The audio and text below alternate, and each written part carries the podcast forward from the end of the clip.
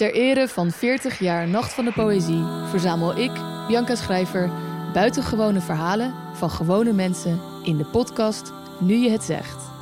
Verhalen over veranderende vriendschappen, kleine heldendaden en ook over wachten op de dood. Ik bedoel, ik heb zeven jaar geleden dacht ik van ja, mijn pensioen ga ik niet halen. Omlijst met de mooiste optredens op de Nacht van de Poëzie hoor je elke aflevering één verhaal.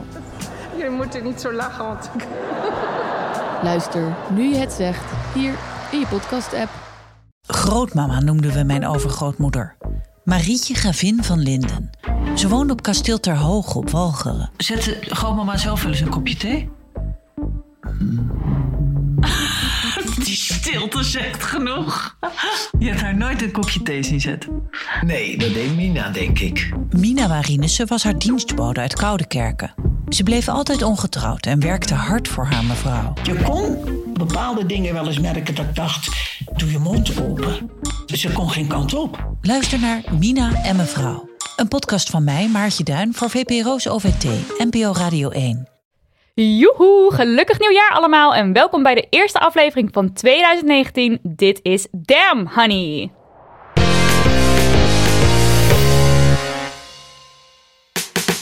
De podcast over shit waar je als vrouw van deze tijd mee moet dealen. Mijn naam is Nidia En ik ben Marilotte. en dit is dus alweer de achtste aflevering. Jeetje Pietje, wat gaat dat snel. Echt hè. Vandaag hebben wij een droom van een gast. Vinden niet alleen wij, maar ook onze volgers. Toen we op Instagram aankondigden dat ze zou komen, verschenen er buitenproportioneel veel emoticons met hartjesogen in de comments. Eh, en om verder een beeld te geven van het enthousiasme zijn hier wat quotes. Eh, ik citeer. Hier leef ik voor, thank you. Deze vrouw is legendarisch. Allemaal in hoofdletters. En hier wacht ik al op met duizend uitroeptekens erachter. Ja, we dachten dat je hier nooit zou komen te zitten, want je woont eigenlijk in New York. Maar door gedoe met haar visum is ze nu tijdelijk in Nederland.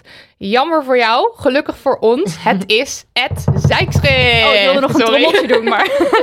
Oftewel, Madeleine van de Nieuwhuizen, welkom. Leuk, dankjewel.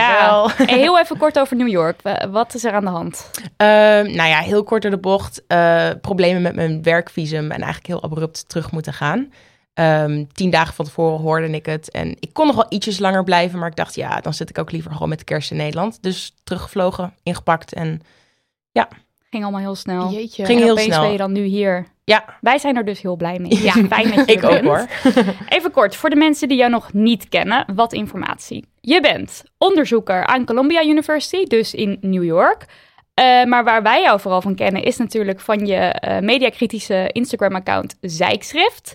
waarover we het later nog heel uitgebreid gaan hebben. Uren. Uren. En je schreef afgelopen jaar opiniestukken voor onder andere het NRC en Parool over journalistiek, seksisme en racisme. Je was ook nog op NPO 1 vorige Ja, week. Ja, klopt. Die vrouw is overal. Overal is dus niet te missen. Eh, wij ontdekten jou en jouw account afgelopen zomer. Dat was in de tijd dat we volop bezig waren met Damn Honey, het boek. Maar eh, op dat moment hadden we een andere werktitel voor ons boek, namelijk Jas Queen. En Mark Bergsma, je kent hem wel uit de allereerste aflevering van onze podcast. eh, hij wees ons erop dat die werktitel cultural appropriation is. En toen hebben we jou gevraagd om jouw mening hierover. Eh, kun jij uitleggen wat dat is, cultural appropriation, en waarom dat kwalijk zou kunnen zijn? We gaan er gelijk hard in Bam. met deze vraag. ja. Ehm, ik dacht dat je zou gaan voorlezen wat ik had Wat de initiële reactie Oh ja, dat was. kan ik ook doen als je dat wil. Ja, misschien is dat iets, zeg maar... Ze Dan- had namelijk een uitstekende reactie. Wacht, zoek hem even op. Niet voor niks heet het boek nu Damn Honey. Ja. Overigens bedacht door Daniel, Daniel onze producer. Oh, hey, wat leuk. ja. Eh, even kijken. Wat ze zei was... ehm, wat een goed initiatief en fijn dat jullie nadenken en stilstaan bij die slogan. Mijn eerste reactie is: een andere slogan kiezen is beter. Het is inderdaad wat je zou kunnen noemen vernacular cultural appropriation, al besef ik helemaal dat dit heel lastig kan zijn bij dingen die zo mainstream zijn gegaan. Het is niet alleen het queen part, wat traditioneel door zwarte vrouwen werd gebruikt om elkaar te hypen, maar ook het woord jas, wat some have argued teruggaat naar de transvestite en later transgender pageant queens in onder andere Amerika in de jaren 70 en 80. Ehm, Ik sta er zelf redelijk oké in. Ik snap dat veel mensen het helemaal oké en goed en juist empowering bedoelen. Maar ik schrijf zelf bijvoorbeeld standaard yes in plaats van jas, wat een soort knikje is naar de community. En ik zeg nooit queen om diezelfde reden. Maar het is een slippery slope en uiteindelijk is het een beetje balanceren. Ik zou in dit geval wel echt voor iets anders gaan, al is het maar om zeker te zijn dat je niemand alienate, om die reden die sowieso al vaak gemar om die reden die sowieso al vaak gemarginaliseerd wordt binnen het feminisme. Mensen van kleur en trans people. Ja, ik vond het een hele goede reactie. En het Ja. was voor mij ook wel een eye-opener. Want ik was altijd heel erg aan het rondstrooien met mijn jassen. Vooral ehm, online. Ja. Dat je ergens op reageert met ja's. Nou, het lastige En dat doe ik dus niet meer nu. Het, het lastige is vaak dat mensen niet weten wat de geschiedenis van bepaalde dingen zijn. Ja. Dus dingen gaan heel vaak viral of gaan worden opeens heel erg populair, zonder dat mensen precies weten wat er, waar het vandaan komt of wat erachter zit. Dus het, ik, ik, ik ben zelf redelijk vergevingsgezind dat ik zoiets heb van ja, als je dat niet weet, dan, eh, dan, dan Gebeurt snap ik het. dat. Maar ja, ik heb altijd zoiets van, ik probeer er altijd een beetje op in te lezen en te kijken van waar, waar zit die origine eigenlijk en wat vind ik daarvan? Of eigenlijk voornamelijk, wat vinden die mensen daar zelf van? Ja, dat het omdat gebruikt wordt, het anders ja. dus toegeëigend wordt door een hele andere groep. Terwijl ze geen idee hebben wat, het, wat de geschiedenis is. Ja, en het lastige met cultural appropriation, het is namelijk een thema wat ik zelf, waar ik zelf ook nog veel, denk ik, over wil, over heb te leren. Ehm, het is heel lastig omdat er een soort scheidslijn, zo zeg maar in de taal wordt er een soort scheidslijn gemaakt tussen wat dan oké is en wat niet oké is, maar het is gewoon een heel erg grijs gebied. Eh, weet je, wanneer is iets inspiratie? Wanneer is een bepaalde modelijn geïnspireerd op een cultuur? En wanneer is het soort van overname van en profiteren van iets wat die me- waar, profijt waar die, wat die mensen zelf nooit terug gaan zien? Ja, dat vooral, dat laatste. En dat, daar, dat denk ik ook altijd, want je kan het, tenminste wat je dan vaak hoort als je het daarover hebt, is ja, maar het is toch ook een, een compliment dat je dat dan gebruikt en dat is toch positief dat je die woorden overneemt, maar het is net omdat het zo'n grijs Ja. gebied is, is het zo lastig. En een van de eerste voorbeelden waardoor het gesprek over cultural appropriation eigenlijk heel erg mainstream gaat. Sorry als ik Engelse woorden eh, hier en daar er doorheen strooi. Maar ehm, was eigenlijk het, het concept van witte mensen die dreadlocks dragen. Oh, ja. En wat daar toen over gezegd werd door voornamelijk zwarte mensen of eh, bruine mensen, ehm, mensen van kleur die dreadlocks dragen, is kijk, als ik naar een sollicitatiegesprek ga en ik draag dreadlocks, eh, is mij historisch gezien altijd verteld dat is niet professioneel. Doe je haar anders. Knip ze af. Stel je haar. Zwarte vrouwen hebben altijd zo'n druk gevoeld om hun haar te stijlen. Bijvoorbeeld ook Michelle Obama. Een van de eerste foto's die van haar naar boven kwam toen eh, Obama klaar was met zijn presidentschap, was Michelle Obama tijdens een vakantie waarin ze voor het eerst zeg maar weer eh kroeshaar had. En ehm, de zwarte community in, in New York heb ik daar toen veel over, over gehoord. Die zeiden van, oh wat fijn om haar weer met haar natuurlijke haar te zien. En het is, het is allebei oké. Het is maar net wat je, de keuze die je daar zelf in maakt. Maar het is geen haar voor zwarte mensen is niet een neutraal concept. Dus op het moment dat, dat witte Ja. mensen dreadlocks hebben en die gaan naar een sollicitatiegesprek, zullen zij daar niet op diezelfde manier de, eh, de, de Op nadelen van worden. ja, op afgerekend worden. Exact. Ja. Dus het gaat over macht en het gaat over ehm, wie ergens mee wegkomt, ja of nee. duidelijk. Over eh, het haar van Michelle Obama gesproken, heb ik een podcasttip, namelijk Two Dope Queens, eh, waar ze eh, haar in interviewen. En dan gaat ze uitleggen hoe, hoe ingewikkeld het was om haar haar te hebben. Oh, nice. Ja, omdat dat vet, het was echt een taak. En dat was heel, ja, ja kost ook vaak heel veel geld. Zwarte mensen zijn er vaak geld heel veel en geld aan tijd. En ze, ze moest daar ook de hele tijd over nadenken. En het is sowieso een fantastische aflevering. Dus ik ga hem in de show notes zetten. Leuk. Even om dit dan nog enigszins luchtig te eindigen. Vrouw, wat drink je veel koffie? wat, wat is dit? Ehm, weet je, ik denk dat het wel meevalt. Eigenlijk niet meer dan twee per dag. Maar ja, als ik een. Ja, het zijn wel veel roerstories. Eh iemand, iemand. Nou ja, ik krijg dus ook vaak filmpjes van mensen die dan ook ik in vind de ze heel koffie roeren. kalmerend hoor. Kijk er graag naar. En eh, iemand, het was wel grappig, ik weet even niet meer uit mijn hoofd wie het was, maar ik vloog terug vanuit Amerika naar, naar Nederland en ik was in een story in mijn koffie aan het roeren. En iemand stuurde ook een filmpje terug dat ze in haar koffie aan het roeren was. En ze zei hashtag roerige tijden. En die vond ik wel hilarisch. Mooi. Dat is leuk. Ehm, even kijken. We gaan straks met je babbelen over alles, want we willen alles van je weten. Maar eh, jullie weten vast al wat er nu komt. Nidia, wat is het minst feministische wat je deze week hebt gedaan Hmm. of gedacht? Ja, oké. het ging als volgt. We zaten in de keuken ehm, op 1 januari met de huisgenoten. En ik was aan het voorlezen van een of andere nieuwssite. Een hele lijst met alles wat gesloopt was. En mensen die... Gewoon alles wat, wat fout was gegaan eh, tijdens de oudejaarsnacht. En toen kwamen we op een gegeven moment bij een eh, man die vermoord was. En daar was dus een vrouw voor opgepakt. En mijn eerste reactie, is echt, ik vind het best wel erg, maar toen flapte ik eruit, yes! Want ik ging er automatisch van uit dat die man haar waarschijnlijk iets wilde doen. Dat hij haar nou, ja, mishandeld had of iets. En dat zij dus een slachtoffer was. En dat ze uit zelfverdediging had gereageerd. En toen dacht ik, ja, vrouwen, sla terug. Laat het niet je gebeuren. En dat is heel fucked up gedachte om meerdere redenen. Eén, ik keur geweld niet goed. Twee, ik ging er dus ook gelijk vanuit, oh, ze is slachtoffer. Terwijl misschien is het wel een in en in en door en door slecht mens. Dat kan ook gewoon, ook al is het een vrouw. Hey, feminisme. Eh, eh, nou ja, dat gebeurde. Ja, Super en, goeie. Het, het was, hè, zo, en, dat. en, en, en ik zat hierbij en ik gaf jou een High high five. en Mark, weer Mark, nog steeds van dezelfde Ja. eerste aflevering. Die was echt zo, dit Nou, kan niet. En, normaal. en wij zo van, meer vrouwen in de gevangenis. Meer vrouwen die van zich afbijten. En die van Ja. zich laten, ja. Het maar was- het is, ja. ik, weet niet, ik weet niet in hoeverre het per se onfeministisch is, als wel gewoon een gevolg van een seksistische maatschappij. Dat jij die gedachtegang inderdaad hebt. Ja, ik had ook net een serie gekeken, Parfum heet het. En daar wordt dus heel veel, daar zit heel veel vrouwenhaat in. Niet eens als onderwerp of zo, maar er worden gewoon aan alle kanten worden vrouwen aan hun haren gesleurd en gewoon heel veel narigheid. En dan krijg ik dus tijd het gevoel van, Kom op, doe wat. terugslaan. Ja, terugslaan. Ja. Pak ze. Schiet ze allemaal maar dood. Zo, heel heftig wel. Ja, en ik weet, we hadden het natuurlijk ook even over eh, eh, dat we benoemden van we zouden, er zou, er zou, als de cijfers van mannen en vrouwen in de gevangenis een soort van gelijk zouden trekken, dat we daaraan dan zouden kunnen zien of, of de gelijkwaardigheid geslaagd. het was een heel Ja, raar Het was een heel heftig en raar gesprek. Nee, helemaal niet raar. Heel, Ehm, ik bedoel, heel het was wel interessant punt van die. extreem. Ja, dat, dat doet me een beetje denken aan die uitspraak, zeg maar. ehm, wat je wel een soort van. De dag dat mannen en vrouwen echt gelijk zijn in de maatschappij, is de vraag dat. Is, is de dag dat ehm, semi-competente vrouwen in topfuncties terechtkomen. Ja, Ja, dat is ook een hele leuke. briljant. Ja, nou ja, in die categorie dus. Maar waar vooral het minst feministische in zit, vind ik, is dat ik dus er van, automatisch van uitging van, oh, ze zal wel slachtoffer zijn. Ja. Ja. Marilotte. Eh, nou, ik kan vrij kort zijn. Ik heb niks. Ehm, niet omdat ik geen onfeministische dingen Je bent eh, zo denk woke. of doe.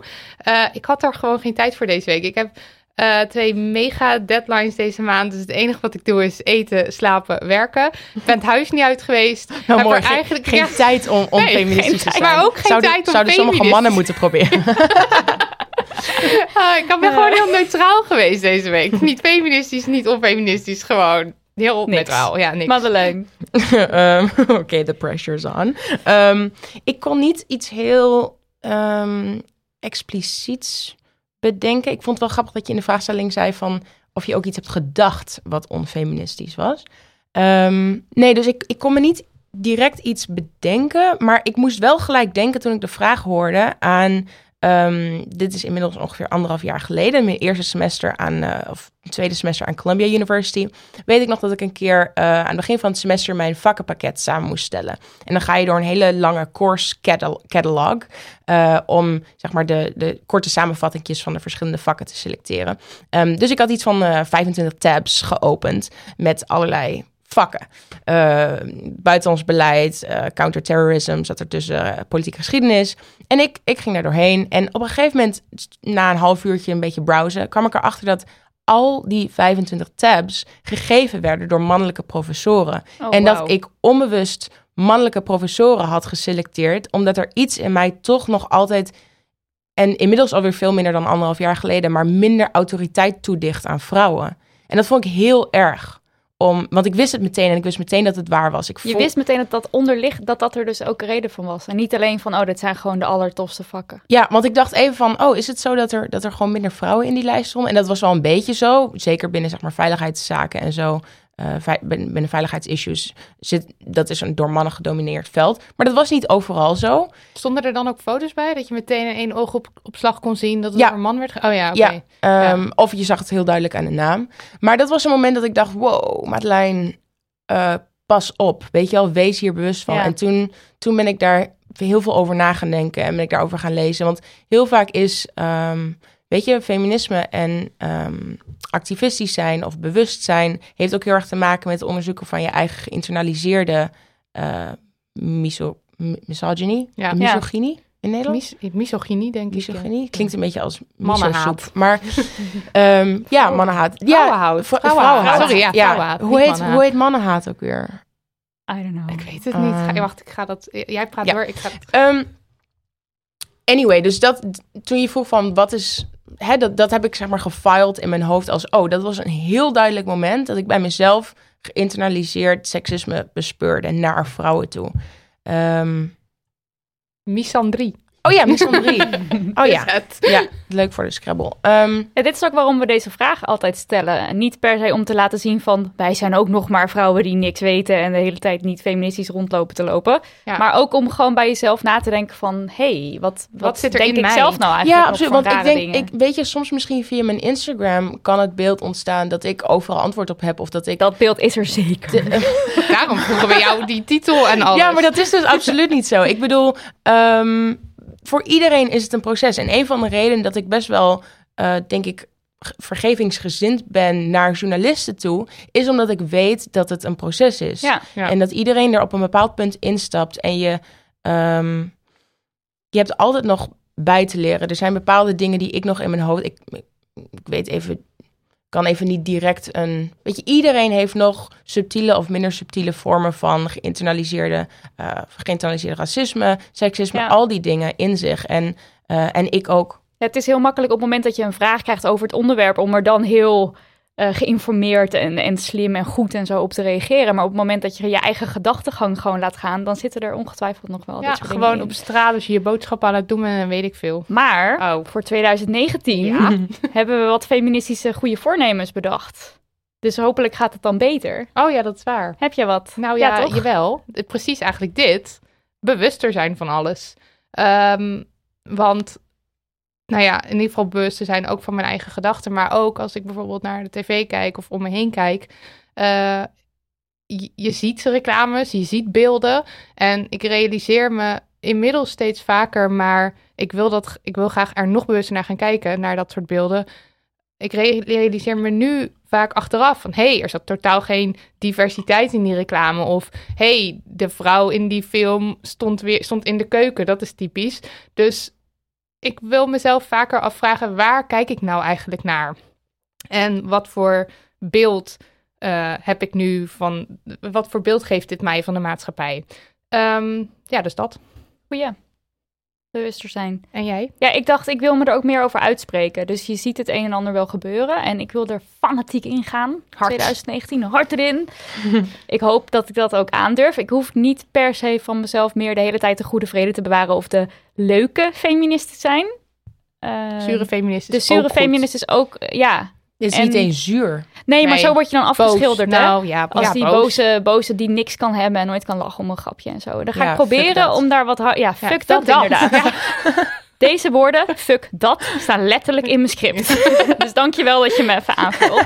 Heb jij hier ook... ben je- is dit iets waar je over nadenkt? Of Zeker, ja. Ja, ik ben er ook over na gaan denken, 2019. Eh, ik denk, ik vind het altijd heel erg fijn. Ik bedoel, ergens eh, eh, schiet ik altijd in een soort semi-paniekaanval als het einde van het jaar is. Of als ik jarig ben, hè, zo van, oh my god, weer een jaar voorbij. Maar ehm, oh, we gaan allemaal dood.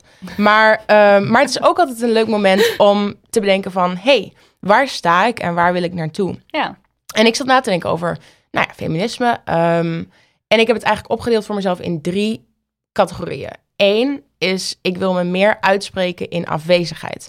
Wat ik daarmee bedoel is, ik wil me meer gaan uitspreken als groepen waarover ik me uitspreek afwezig zijn. Dus bijvoorbeeld, het komt vaak genoeg voor dat we in een, eh, dat, dat ik in een geheel wit gezelschap ben. Eh, om me dan ook op die momenten uit te spreken voor mensen van kleur. En dat niet alleen maar te doen als ze er staan en bij van spreken een applausje te verwachten. Uh, maar juist ook niet. Ik heb zelf stage gelopen in Wenen voordat ik naar New York verhuisde, 2,5 jaar geleden. Um, stage liep ik bij de Nederlandse permanente vertegenwoordiging naar de Verenigde Naties op het gebied van nucleaire zaken. En ik zat de hele week op de ambassade ofwel bij het VN-gebouw. En um, nou, daar zijn dan heel veel borrels altijd, uh, zeg maar diplomatieke borrels op ambassades en uh, residenties en zo. En um, ik was bij één borrel afwezig geweest. En ik hoorde van een medestagiair een week later, die zei, Madeleine, uh, ik wou je even wat vertellen. Um, dat was een beetje een vervelend moment eigenlijk tijdens die borrel, want um, een van de Europese voorzitters, die zeg maar tijdens vergaderingen dingen voorzit, dat, was een Nederlander. En iemand, hij, hij moest met mij gaan samenwerken dat, uh, die, die periode. En ik werkte er toen net twee, drie weken en ik had hem nog amper gesproken. En wel een paar keer dat ik probeerde gesprekjes aan te knopen. Zo van, oh, vond je de vergadering gaan? Of interessant punt had meneer X of mevrouw Y. Um, en, maar dat, dat ketste de het een beetje af. En hij was een beetje, weet je, picture this. Een man, eind 50, wit, diplomatiek, uh, heel boring. Um, kon goed voorzitten, zwa. Um, tijdens die borrel had er in de, in de residentie van de ambassadeur had er kennelijk was er een rondje, een cirkeltje geweest van een stuk of zes mannen, waarvan dus mijn medestagiair, hij en uh, vier senior diplomaten. En toen had een van hen gevraagd aan hem: Hey, hoe gaat het werken met Madeleine eigenlijk? En toen zei hij: um, de gevleugelde woorden. Nou, ze ziet er leuk uit natuurlijk. Oh, maar ja, voor de rest moet ik het nog zien. Bas, dat was een competente jongen. En dat was dus mijn voorganger. Godverdamme. Jezus. Um, en nou ja, en mijn medestagiair, uh, natuurlijk was ik soort van uh, half aan het kokhalzen. En mijn medestagiair die zei, ja, ik voelde me zo kut, want ik wist niet wat ik moest doen. Ik, ik ben niet in een, in, een, in een hiërarchische positie om daar iets van te zeggen per se. Hij was echt heel duidelijk zijn superieur um, in, in de hiërarchie. Um, maar ik vond het ook heel naar dat ik uiteindelijk niks heb gezegd om, je te, om, je te, om, het, om, om het voor je op te nemen. En en nou ja, ik zat er ook een beetje over te na te denken van wat, wat had ik nou fijn gevonden als hij had gezegd. En ik zei van, volgende keer, want dat soort dingen gebeuren vast. Gaat uh, nog een keer gebeuren. Ja, vast nog een keer gebeuren. En het was ook niet de eerste keer. Um, volgende keer kun je misschien iets zeggen à la, uh, nou, ik ken Madeleine als een hele competente vrouw. Of als een heel competent mens, of whatever. Um, dus ja, ja, door dus, iemand scharen. ja, dus dat was een voorbeeld van uitspreken in afwezigheid. Wat doe je als de persoon in kwestie er niet is? Nou, die, ik zal eventjes Goeie. het verder Ja. kort houden. Eigenlijk vergelijkbaar. Um, of nou ja, feministische handelingen doen in stilte of in onzichtbaarheid. Um, en dat ben ik een beetje gaan doen in New York. Um, om eigenlijk vrouwen meer gevoel te geven van uh, autoriteit of expertise of whatever. Heel klein mini, mini voorbeeldje. Als ik op straat de weg niet weet, ga ik nu standaard naar een vrouw toe om de weg te vragen. Omdat vrouwen een soort stereotype hebben dat ze de weg niet weten, dat ze geen richtingsgevoel hebben, dit en dat. Maar dat ik dus gewoon heel actief, en het is heel klein, maar ik denk dat het bijdraagt. Ik Ja. denk dat je daar vrouwen een gevoel van zelfvertrouwen mee kan geven. Van, oh, hey, iemand komt op mij af om aan mij de weg te vragen. Dan vertrouwt diegene dus in mij. Nou, dat soort kleine dingetjes, dat vind ik altijd leuk om daarover na Dit te is een denken. hele leuke Ik vind het ook een hele leuk. Ik ga dit ook doen. ja. En de derde is heel, is, zal ik ook kort houden, dat is eigenlijk meer, ehm, meer ook nadenken over het concept mannelijkheid. En juist ook het, het concept van mannelijkheid meer gaan analyseren en hoe ik me daar pro- proactief op kan stellen om ook dat eh, eigenlijk rigide idee van hè, de sterke man die nooit huilt en eh, zelfs niet tijdens het uien snijden, om ook dat af te breken. Want dat is ook net zo goed onderdeel van feminisme. Ja, Ja. dat is een goeie en dat wordt ook wel een beetje vergeten. Niet door iedereen, maar soms. Ja. Door onszelf ook nog wel. Of door mij, laat ik het bij mezelf houden. Ook door mij. Oké, nou, veel om te doen in 2019. Veel goede voornemens. Zin in. Eh, we kregen post van Kim. Nidia, lees voor. Hey meiden, allereerst wil ik even zeggen dat ik jullie boekje en podcast geweldig vind en dat ik er mega veel van leer. Nu hoop ik dat jullie mij wellicht advies kunnen geven over het volgende. Ik werk als kok in een restaurant en ik werk met veel mannen. Nu is het probleem, de meeste mannen waarmee ik werk, ook de leidinggevende, gooien nogal veel vrouwonvriendelijke opmerkingen de wereld in. Mijn vrouwelijke collega's lachen erom en wuiven het weg, alsof het niks is. Ik maak soms, als ik een slechte dag heb, of misschien een goede dag, Kim, een kutopmerking terug, maar het schijnt niet te helpen. En dan geeft ze wat voorbeelden van dingen die niet helpen. Bijvoorbeeld de opmerking, wat zou je doen als iemand dat tegen je dochter, moeder, zusje zei? Werkt dus niet.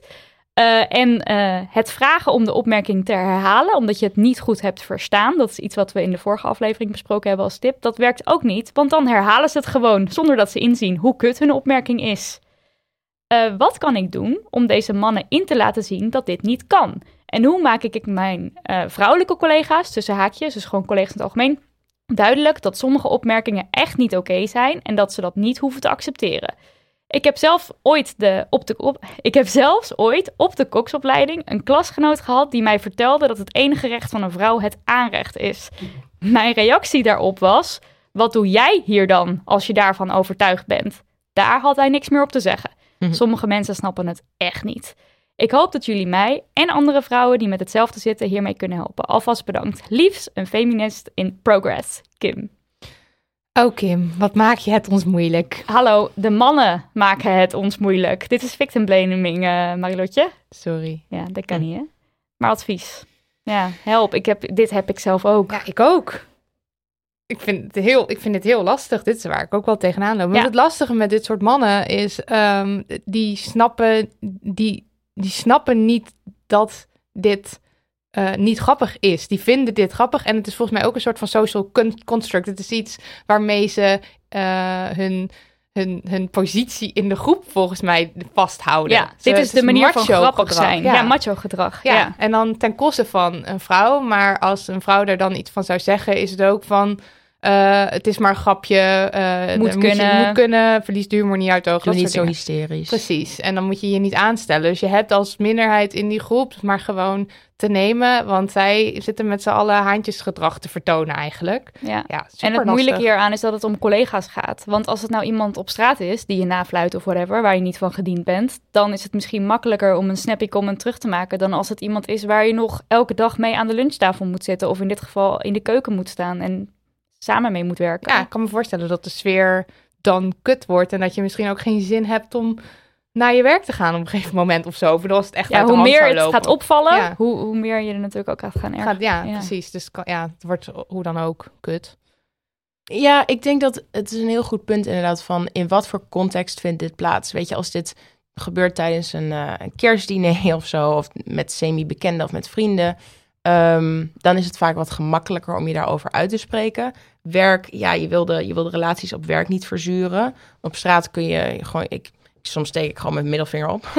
Ehm, altijd lekker. en, ehm, maar ja, ik zat erover te denken van wat, wat kun je daaraan doen in een professionele context? En er zijn natuurlijk altijd verschillende gradaties van iets aankaarten. Je kunt, ik zat te denken van wat zijn nou eigenlijk de categorieën? Je kunt inderdaad, zoals wat zij soms doet, je kunt een, een harde tegengrap maken. Of je kunt een beetje lachend zeggen, nou, nou, nou, eh, het is niet zo leuk. Ja. Eh, dan, dan kun je een soort serieuze opmerking gaan maken waarbij je zegt, hey, nog even over gisteren. Dat, dat vond ik echt gewoon niet chill, want, en dan zou ik altijd aanraden, en dit klinkt super Dr. Phil, maar laat weten hoe je je voelt. Dus in deze context, hey, eh, toen je dat gisteren zei, kijk, ik snap wel dat, het grap, dat, dat je het als grapje bedoelt, maar ik vind het oprecht niet zo chill, want ik voel me daardoor X of Y. Ja. Eh, ik voel me daardoor weggezet als, eh, als vrouwtje, in plaats gewoon ik, je collega. Ehm, dus dat is een serieuze opmerking. Je kunt een gesprek aanvragen. Dat is vaak een soort van een beetje next level. Eh, ja. dat, dat kan Maar je- echt met iemand erbij. Met een ja, kan, mediator. kan op verschillende manieren. Je kan ook gewoon zeggen, hey, kan ik zo eventjes met je praten? Dan snapt iemand vaak al dat je, het, dat je, dat je echt even serieuzer bent. Ehm, ik zat ook te denken, je kan ook een brief schrijven. Je kan ook een e-mail schrijven. En die even gewoon naar collega's tegelijkertijd sturen. En zeggen van, hey iedereen, ehm, ik wil jullie niet al te veel, een, een, niet, niet een al te grote big deal van maken. Maar ik wil het toch eventjes van mijn hart hebben. Want ik vind het gewoon niet chill op de werkvloer. Eh, dit, is, dit wordt soms gezegd, dat wordt soms gezegd. Laten we gewoon proberen om dat niet meer te doen. Weet je, gewoon zeg het casual. Dan heb je er ook even zeg het niet kwaad. denken. Zeg het gewoon rustig. Zeg gewoon rustig hoe je erover voelt. Ehm, toen dacht ik, oké, de volgende stap zou zijn. klagen bij een hogere autoriteit. Dan gerechtelijk je gelijk zoeken. En de allerlaatste is natuurlijk gewoon een molotov cocktail door iemands raam gooien. Maar dat zou ik niet aanraden. Kim, Meer wil je alsjeblieft vrouwen. gerechtelijk eh, hulp zoeken? Maar weet je wat moeilijk is bij haar ook? En ja, nee, bij haar ook. Dat het om leidinggevende gaat. Ook. Dus als je dus een stapje omhoog wil, dat je terechtkomt bij de mensen die het zelf ook doen. En het zijn allemaal van die onderhuidse dingen. Dus het is ook heel moeilijk. Op het moment dat je nou zegt van ja, het valt me op dat je echt, weet ik het, als je echt aan Ja. vrouwen zit of zo, dan, dan valt daar waarschijnlijk iets goeds over te zeggen. Maar zolang het Ja. allemaal van die onderhuidse, sluimerende grapjes, opmerkingen, dingen zijn, En Ja. ze vinden dat is het het zelf ook allermoeilijkst. niet storend of erg, want dat is het natuurlijk vooral. Ze zien, zou- zelf ik- zien ze niet in dat het... Ik zou dan vooral eigenlijk zeggen... Breng het niet boos, maar breng het teleurgesteld. ja. Maar breng het is dus wel, Breng het wel. breng het wel, ja. Want in Vertel principe wil je natuurlijk niet dat jouw collega zich kut voelt. Je wilt een leuke sfeer op je werk. Ja. Dus dan ga je als mannelijke collega, als je gewoon een beetje een normaal mens bent, ga je natuurlijk misschien daar wel even over nadenken. Dat hoop je in ieder Ja. geval. Ja, en Zou bondgenoten zoeken. Ja, Want je hebt misschien wel een collega op de werkvloer waarvan je denkt, nou, die zou het misschien nog kunnen snappen, vrouw of man. En dan kan je kijken of die misschien eh, achter jou kan gaan staan en misschien ook een keer wat terug kan zeggen. Dat het niet alleen jij is die de hele tijd maar met het Ja, vingertje goeie. wijst. Ja. Oh ja, en ook nog, ze, zegt, ze heeft het ook nog over haar vrouwelijke collega's die meelachen. Dat is ook zo'n ding, hè? Ja. Je kan natuurlijk altijd even bij je vrouwelijke collega's vragen van, nou, laatst werd dat gezegd. Eh, ik voel me daar zo over. Hoe voel jij je daar eigenlijk Ja. over? Zodat je Ja. eventjes even inventariseren hoe iedereen zich voelt. Ja, ja, je moet het denk ik gewoon zo luchtig mogelijk houden in eerste instantie. En daarna die molotov cocktail, maar dan eerst, Klopt, eerst ja. even, ja. Ik had wel laatst een heel lange discussie op Instagram met een van onze luisteraars. En dat ging over een grapje dat Ali B had gemaakt over dat vrouwen niet kunnen rijden. En toen zei zij van ja, eh, grapjes, je moet- moet wel, we moeten niet overal eh, nu zo moeilijk over gaan doen. En je moet ook wel gewoon iets grappigs kunnen zeggen. Dat, Ja, het is- dit was het is- ook een vrouw. Ja. Dus het, het- ja, ik, ergens kan ik me dat ook indenken. Maar ik denk ook, waarom moeten die grapjes altijd ten koste gaan van bepaalde Waar- groepen? ja, wanneer wordt er nou ooit een, een standaard grap gemaakt over een heteroseksuele witte man? Ik Ja, en als je dan wat zegt, dan Ja. is het gelijk. En witte mannen die mogen niks meer zeggen Ja, tegenwoordig. dan Ja, wordt er er- ook er- verzet Er worden natuurlijk ook wel grappen gemaakt over, over mannen. Over hoe mannen eh, zijn. eh, heel, eh, hoe noem je dat, eh, afgesloten zijn emotioneel. Over hoe ze heel eh, dommig kunnen zijn. Of hoe ze heel, weet je, dat ze niet emotioneel intelligent zijn. Er worden natuurlijk net zo goed grappen over mannelijkheid gemaakt. Maar vaak, ja, is dat...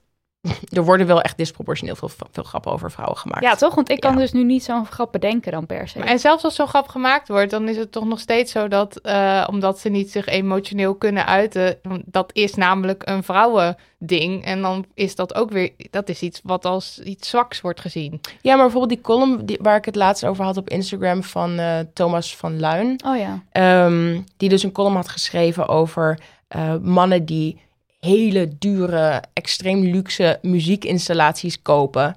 eh, en daar helemaal op geilen. Oh ja.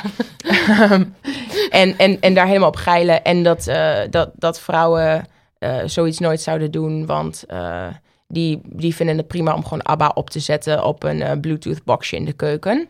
En in de eerste instantie dacht ik, ah, daar wordt weer een vrouw weggezet als een soort van non-technisch wezen wat een beetje naar ABBA in de keuken luistert. Maar tegelijkertijd zat hij, zet hij er natuurlijk enorm mannen te kak die enorm eh soort van geilen op de meest technische dingetjes en daar helemaal geobsedeerd door raken, et cetera. Dus ja, dat, en dat raakt, dat raakt aan zowel het concept vrouwelijkheid als mannelijkheid.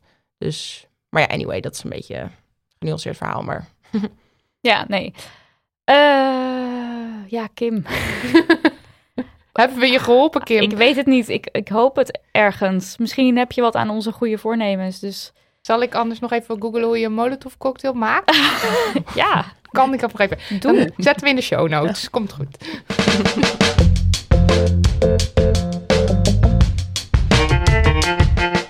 We moeten het even hebben over onzin in Sneerlands media. Want Madeleine, die onzin stel jij aan de kaak. Yes. Kun je kort uitleggen wat zijkschrift is?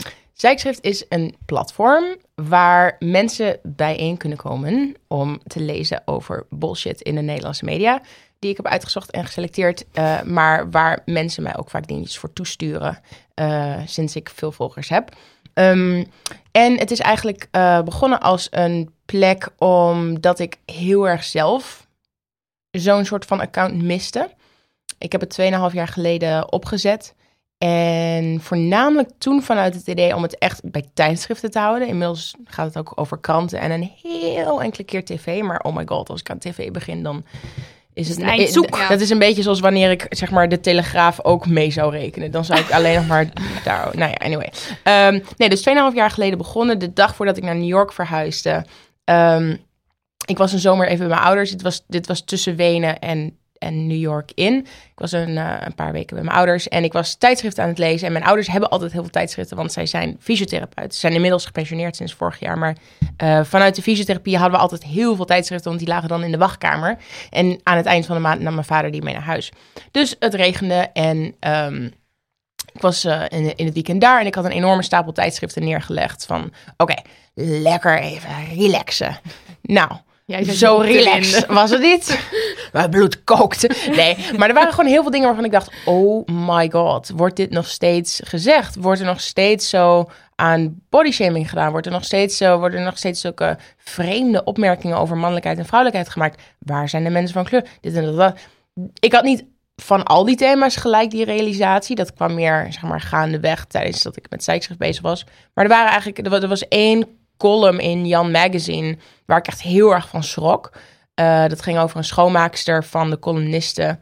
eh, die eh, in haar woorden een, een oud exemplaar uit Bulgarije met kapotte knieën. die het huis niet goed schoonmaakte. En die ze ontsloeg. En ehm, waarvan ze, waar, die ze nog een, S, een, een sms'je stuurde aan haar dochter. Die, ik quote, wel een half woord Nederlands sprak. Waarin ze zei: ehm, Donka ontslagen, niet goed schoonmaken, dag. Heel absurd. Oh mijn god. Ik, ik, het was alsof je een parodie las. En dus ik dacht meteen van, oh my god, oké, hier moeten heel veel mensen over gevallen zijn. Dus ik ging googlen, want dat doe je dan. En ik kon niks vinden. En ook op Twitter kon ik niks vinden. En ik dacht, dit is zo vreemd. Want ik weet zeker dat andere mensen ook wel echt hun wenkbrauw hebben opgetrokken. Maar er was niet een plek waar je naartoe kon gaan om die onvrede te uiten. En in, op Twitter zag je toen ook niks. Nee, misschien is het omdat het 2,5 jaar geleden was dat het nog niet helemaal. Waarschijnlijk zou dat nu al misschien wat anders zijn. I don't know. Ehm, maar nee, kon niks vinden. En dat was al een maand oud, hè? Want het had al een maand in de wachtkamer gelegen. Dus het was heel duidelijk dat er gewoon echt niks over te doen was geweest. En ik dacht, what the fuck? En dat had ik bij een paar andere artikelen ook eh, vergelijkbaar. En ik zat daar een beetje op te broeden van, hoe kan dit nou? Ehm, zal ik een brief schrijven naar de Raad voor de Journalistiek? Maar ja, zo'n brief komt dan ergens op een hoop, weet je wel.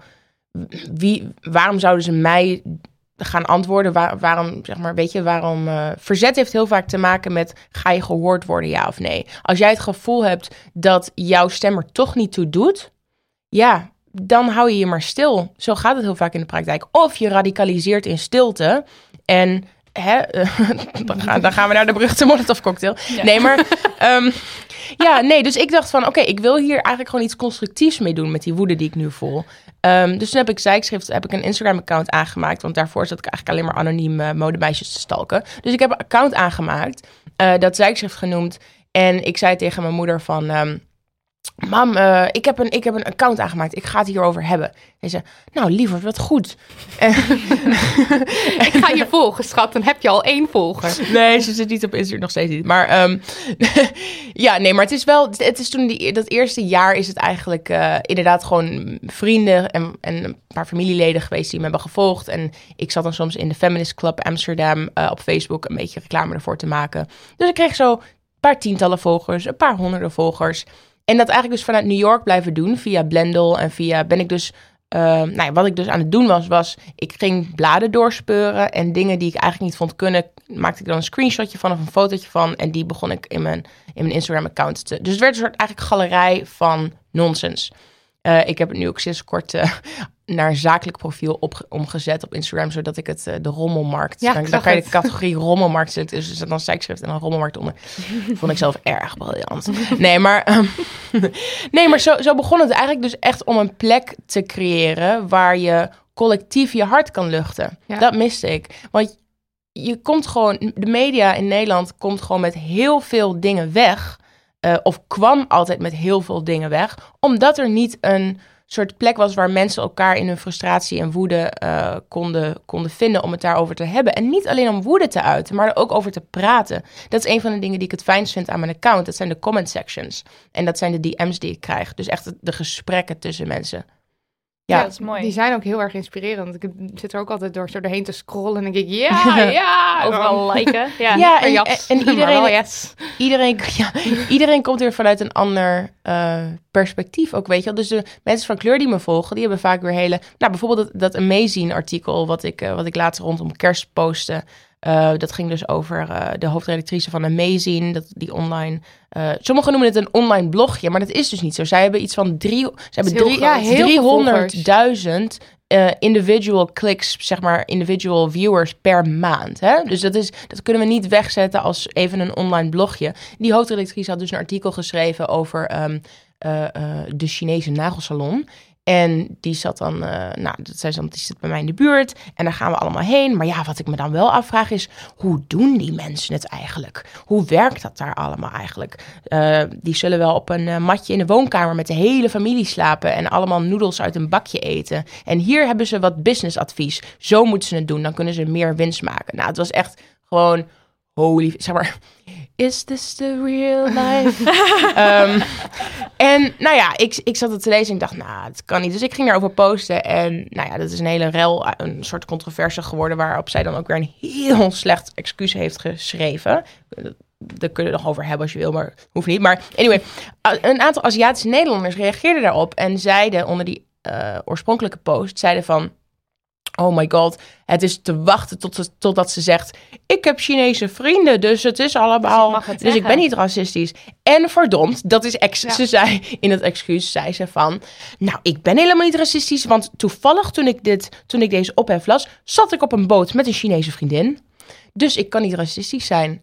Ehm, en dat is dus heel erg interessant, want ehm, die Aziatische... Ik weet niet waar ze vandaan kwam, maar het was een Aziatische Nederlander... die die daarover had gecomment van... ja, weet je, je kunt bijna een soort bingo gaan spelen... van wat Ja, de excuses zijn wordt. die er komen. Dus voor mij is het ook heel leerzaam om die mensen te horen... van die aanvoelen van, nou, dit zal dan wel komen... en dit zijn de typische reacties die je dan krijgt. En dat, ja, En dat is voor mij super leerzaam. Voor Aziatische Nederlanders, in dit geval dan voor dit artikel, heel fijn dat ze, als ze dit lezen, eh, dat er dus een platform is waar ze hun frustraties en hun reacties kwijt kunnen. Eh, Ja. Plus het is heel leerzaam voor iedereen. Ja, Want ik, ik las die reactie van haar ook en het was echt, het was zo standaard. Want ook het, eh, nee, maar jullie kennen mijn stijl niet. Eh, Ja. Dus jullie hebben niet begrepen hoe ik het bedoel. ja. En dat is natuurlijk ook zo'n typisch iets wat Ja, en dan komen we ook weer een beetje in het vaarwater van humor en hoe we daarmee omgaan. Dingetjes die grappig bedoeld zijn. Eh, en dan moet ik ook meteen denken aan het boek van Jamie Lee, eh, Sexy But Tired But Sexy. We kennen hem allemaal. Ehm, waar je, ja, uiteraard, waar, waar uiteraard Damn Honey eh, eigenlijk, dat was de, de hoofdreactie Ja, daarop. ja. Ja. want ik had toen dat stuk in het NRC erover geschreven. En toen gingen wij er, toen hoorde ik dat jullie er, zeg maar, over bezig waren. En toen heb ik jullie fantastische filmpjes natuurlijk gezien, hoe het allemaal Een dag begon. als Jamie Lee. dat is erg vermakelijk. Ik heb net nog mijn nagels rood gelakt. Mag niet. Dat dacht ik dus terwijl ik zat te lakken. Mag, Mag niet van Jamie Lee. Wa- wel, waarom mag dat niet? Rode nagels ik mag het. niet. Het mag niet. Maakt niet uit. Het is wel echt heel verder gaan. hoerig natuurlijk. Ja, Ja, nou ja, zoiets. Eh, en hoerig is sowieso slecht, want Mag niet. prostituees mogen niet. Anyway, ehm, nee, maar... ja, dus ehm, van je snapt de tone of voice niet. Het je snapt de tone of voice bedoeld. niet. Het is, zo is het niet bedoeld. Je moet het allemaal met een korreltje zout nemen. Maar als we alles altijd maar met een korreltje zout nemen... dan gaan we, dan gaan we het niet hebben over de onderliggende problematiek... die daar wel degelijk aan ten grondslag ligt. Want bijvoorbeeld grapjes over... ehm, die mensen zullen wel met z'n allen eh, op, een, op een matje in de woon... Waarom zouden die mensen niet gewoon een bed en een slaapkamer hebben... en aparte slaapkamers? Waarom denk je Ja, dat die mensen jouw businessadvies nodig, nodig hebben. Ja, dat Ja. ook. Eh, en ook, het was ook, want volgens mij zei ze ook iets van geef ze wat extra's, want ze hebben het nodig of zo. Of Ja. geef ze. Zo denigrerend. Het was- En, zo en als klap op de fucking vuurpijl ook nog zeggen van dat er in de titel stond de Chinese nagelsalon. En dan in het artikel refereren naar de Vietnamese familie. Dat je echt denkt, oh my god, dit is gewoon echt racism 101. Dat je gewoon hele volkeren, zeg maar, eh nazistaten door elkaar haalt onder het mom van, ja, die Aziaten met hun eh Lijken allemaal nagelsalon. op elkaar. Ja, Ja. ja. Dus, ehm, Ja, nee, maar wat je zei, dat punt over dat mensen zich daardoor die, zich gesterkt voelen omdat zij zien dat anderen zich uitspreken. En dat gaat terug naar mijn eerste punt van mijn goede voornemen. Je namelijk uitspreken over groepen die, waar jij niet toe behoort. Ik ben geen Aziatische Nederlander, maar ik kan daar wel iets van vinden. Ja. Ik kan wel, en, en, en je kan het wel voor ze opnemen. Niet omdat ze het zelf niet kunnen, dat, dat is het punt niet. Maar gewoon omdat je het niet vindt kunnen. Dat heeft niks te maken met ehm, met of zij daartoe in staat zijn. Nee, dat is omdat ik het fundamenteel problematisch vind Ja. dat dat gezegd werd. En hoe meer mensen dat zouden doen, hoe sneller er dit soort dingen niet meer gebeuren. ja, je moet hoop elkaar je. aanspreken. Ja, je moet, iedereen moet elkaar aanspreken. Het maakt Ja. inderdaad niet uit wat je, wat je gender is of wat je afkomst verder is. Ja. Eh, maar even kijken hoor, want wat zijn de hoofdthema's waar vooral die onzin eh Hoofdthema's zijn ehm, seksisme, racisme, bodyshaming, heteronormativiteit, eh elitair geschit eh, en gewoon alles ertussenin en daaromheen. Ehm, en eigenlijk is het allemaal, denk ik, ik zat erover na te denken van hoe zou je dat nou kunnen terugleiden. En daarom heb ik ook dit t-shirt aan. Wacht even. Oh, er komt een t-shirt. Oh, Oh, equality! En dan Dat- en de betekenis. Ja. equality op. Eigenlijk is het allemaal terug te brengen, net alsof ik jullie nu aan het flashen was of zo. Maar ehm, dus uiteindelijk is het allemaal voor mij terug te brengen tot gelijkheid. En tot ehm, een niet-stereotypering van, van, van wie dan ook. Of dat nou gaat om racisme of seksisme of heteronormativiteit. Het gaat erom dat je elkaar ehm, niet alleen in je, in, in, in je waarde laat, maar dat je elkaar ook de vrijheid gunt om te zijn wie je wil zijn. Zonder dat daar allerlei conclusies aan verbonden worden van, oh, die zal wel noedels eten. Oh, zij zal wel op mannen vallen. Oh, eh et cetera, et cetera. Ehm, dus voor mij gaat het heel erg om de media aanspreken op de momenten dat zij eigenlijk op, ja, vanuit irrationele ideeën over hoe heurt het eigenlijk, ehm, standaarden in de maatschappij in stand houden die fundamenteel de vrijheid, de sociale vrijheid van mensen beknot. En de bewegingsvrijheid. En de mate waarin je zelfvertrouwen hebt. Ehm, nou ja, het is, het is een heel groot thema, maar dat, dat, dat, dat vindt op allerlei kleine manieren plaats. Dus als ik, een, als ik posts plaats waarin ik bijvoorbeeld het aantal mensen van kleur in een tijdschrift tel. En ik tel het aantal witte mensen eh, in, in een blad. Weet je, bladen zoals de Margriet zijn gewoon notoir eh, wit. Die zijn Wit, gewoon echt ja. lelietje blank. Ehm, dus als je eh 136 mensen, witte mensen in je blad hebt... en je hebt twee mensen die op een Aladdin-advertentie eh, staan die van kleur zijn... ja, dan gaat is het een beetje vreemd. Want loop even door Amsterdam of loop zelfs door Oldenzaal, waar ik geboren ben. En, en zo ziet het straatbeeld er niet uit. heen. En het hoeft van mij helemaal niet soort van 50... Hè? Je hoeft niet krampachtig daarover te doen van... oh, het moet echt eh 60 mensen versus 60 mensen. Nee, maar je moet niet het gevoel hebben van... wat de fuck is hier aan de hand? Ehm, dus dat is een, een, een voorbeeld ervan. Maar er zijn dus allerlei thema's. Ik bedoel, ik had laatst het artikel over antisemitisme in de media. Nou, dat is niet een thema wat vaak terugkomt, maar ehm, daar kan het dan net zo goed over gaan. Ja, eentje waar ik wel heel erg op aansloeg was de column van Joep van het Hek. Daar heb ik één boze zondag aan besteed. Ehm, kan je daar kort iets over vertellen? Joep van het Hek had een column geschreven in het NRC.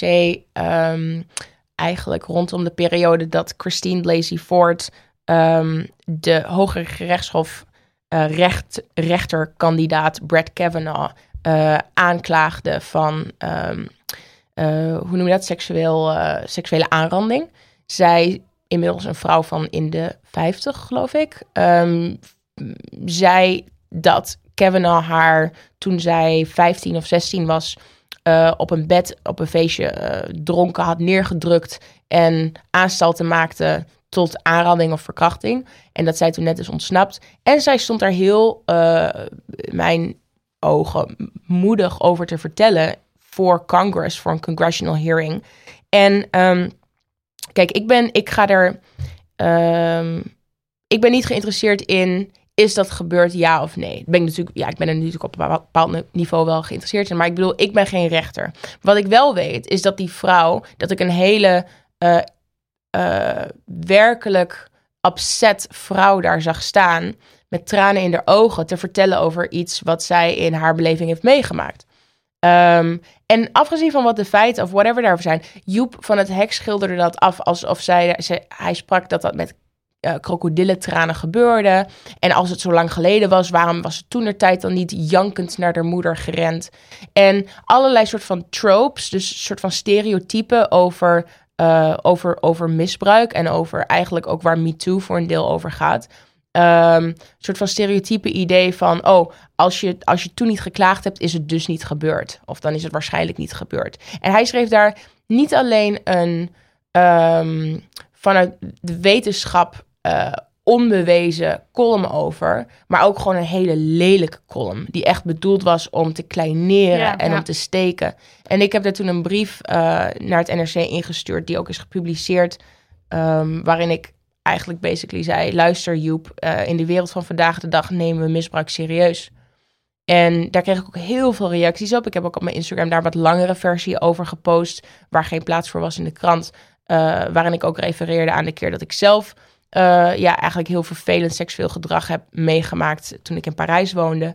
Um, en ik kreeg er zoveel berichten over van vrouwen die zich daardoor, die zeiden, ja, weet je, als nu ik dat lees, dan voel ik me door jou serieus genomen. Terwijl er iemand als Joep, die, die ondermijnt heel veel trauma en pijn en verdriet. Dat vond Ja. ik ook het erge eraan, dat hij dat daarmee deed. Maar dankzij jouw oproep heb ik ook een brief naar NRC geschreven. Ja, goed. En met mij geloof ik 60 Heel veel andere, andere ja, mensen. ja. Heel En, en ik veel. heb dus van een journalist bij het NRC gehoord dat ze echt een record aantal brieven binnen Ja, dat is dankzij jou geweest, denk ik wel. En ik heb daar ook een hele, nou niet heel goede, maar wel een reactie van NRC op ontvangen. Ja, Dus want ze geven, bijna, neemt. ze geven bijna Ja. altijd echt een reactie. Dus, dus onderschat niet hoe serieus dat toch wel echt genomen Ja, wordt. dus schrijf, Schrijf vooral als echt je gewoon iets, aan. iets lelijks tegenkomt. Ja. En, maar dan kom ik gelijk bij een vraag die we binnenkregen op Instagram van @mai.rijen. Dus ik denk Mireille, maar dan met Mai. Eh, ik ben benieuwd of ze het soms spannend vindt om kritiek slash feedback te geven op BN'ers. Of in ieder geval mensen met een flink platform die flink terug kunnen schreeuwen. En zo ja,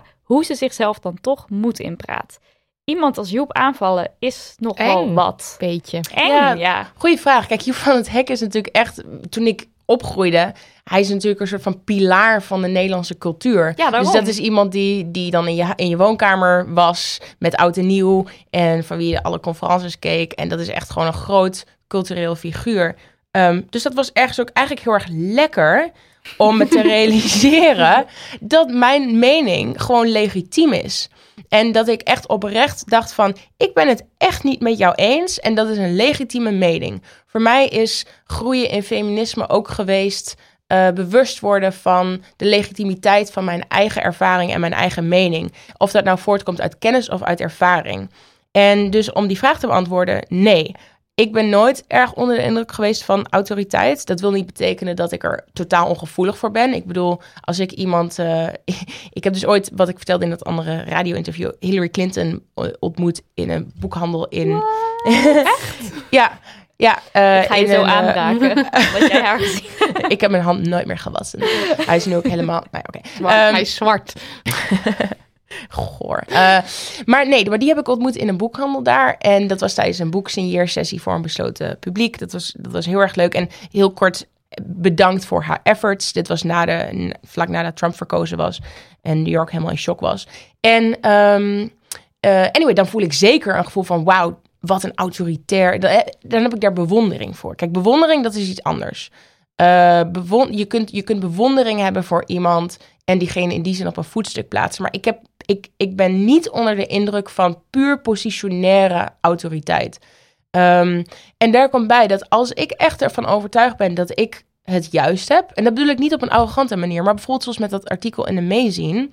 ehm, ik twijfel er niet over dat ik het bij het juiste eind had... door dat racistisch te noemen. En door dat ehm, eh, te analyseren en daar verschillende dingen... zeg maar, to call out several things.